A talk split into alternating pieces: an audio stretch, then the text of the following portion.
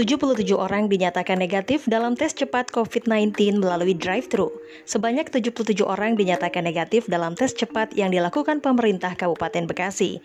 Pemeriksaan kali ini dilakukan secara drive-thru setelah sebelumnya juga telah dilakukan secara door-to-door ke rumah warga di beberapa titik di Kabupaten Bekasi.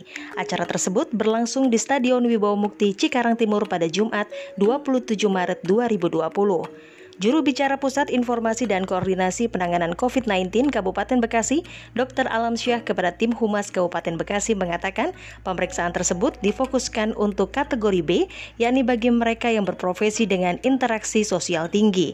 Pelaksanaan tes cepat atau rapid test dilakukan oleh petugas medis dari Dinas Kesehatan Kabupaten Bekasi, diikuti oleh 77 orang yang terdaftar dalam kategori B, dengan mengambil sampel darah dan langsung diuji menggunakan alat berupa tes pack khusus serta hasilnya akan terlihat langsung setelah 10 hingga 15 menit kemudian. Dalam dua hari, tes telah dilakukan di beberapa titik di Kabupaten Bekasi melalui door-to-door ke rumah warga serta ke 43 puskesmas dan 15 rumah sakit yang ada di wilayah Kabupaten Bekasi yang dinilai beresiko memiliki tingkat penyebaran COVID-19. Saya Ita Puspita, scriptwriter Anissa Irnawati.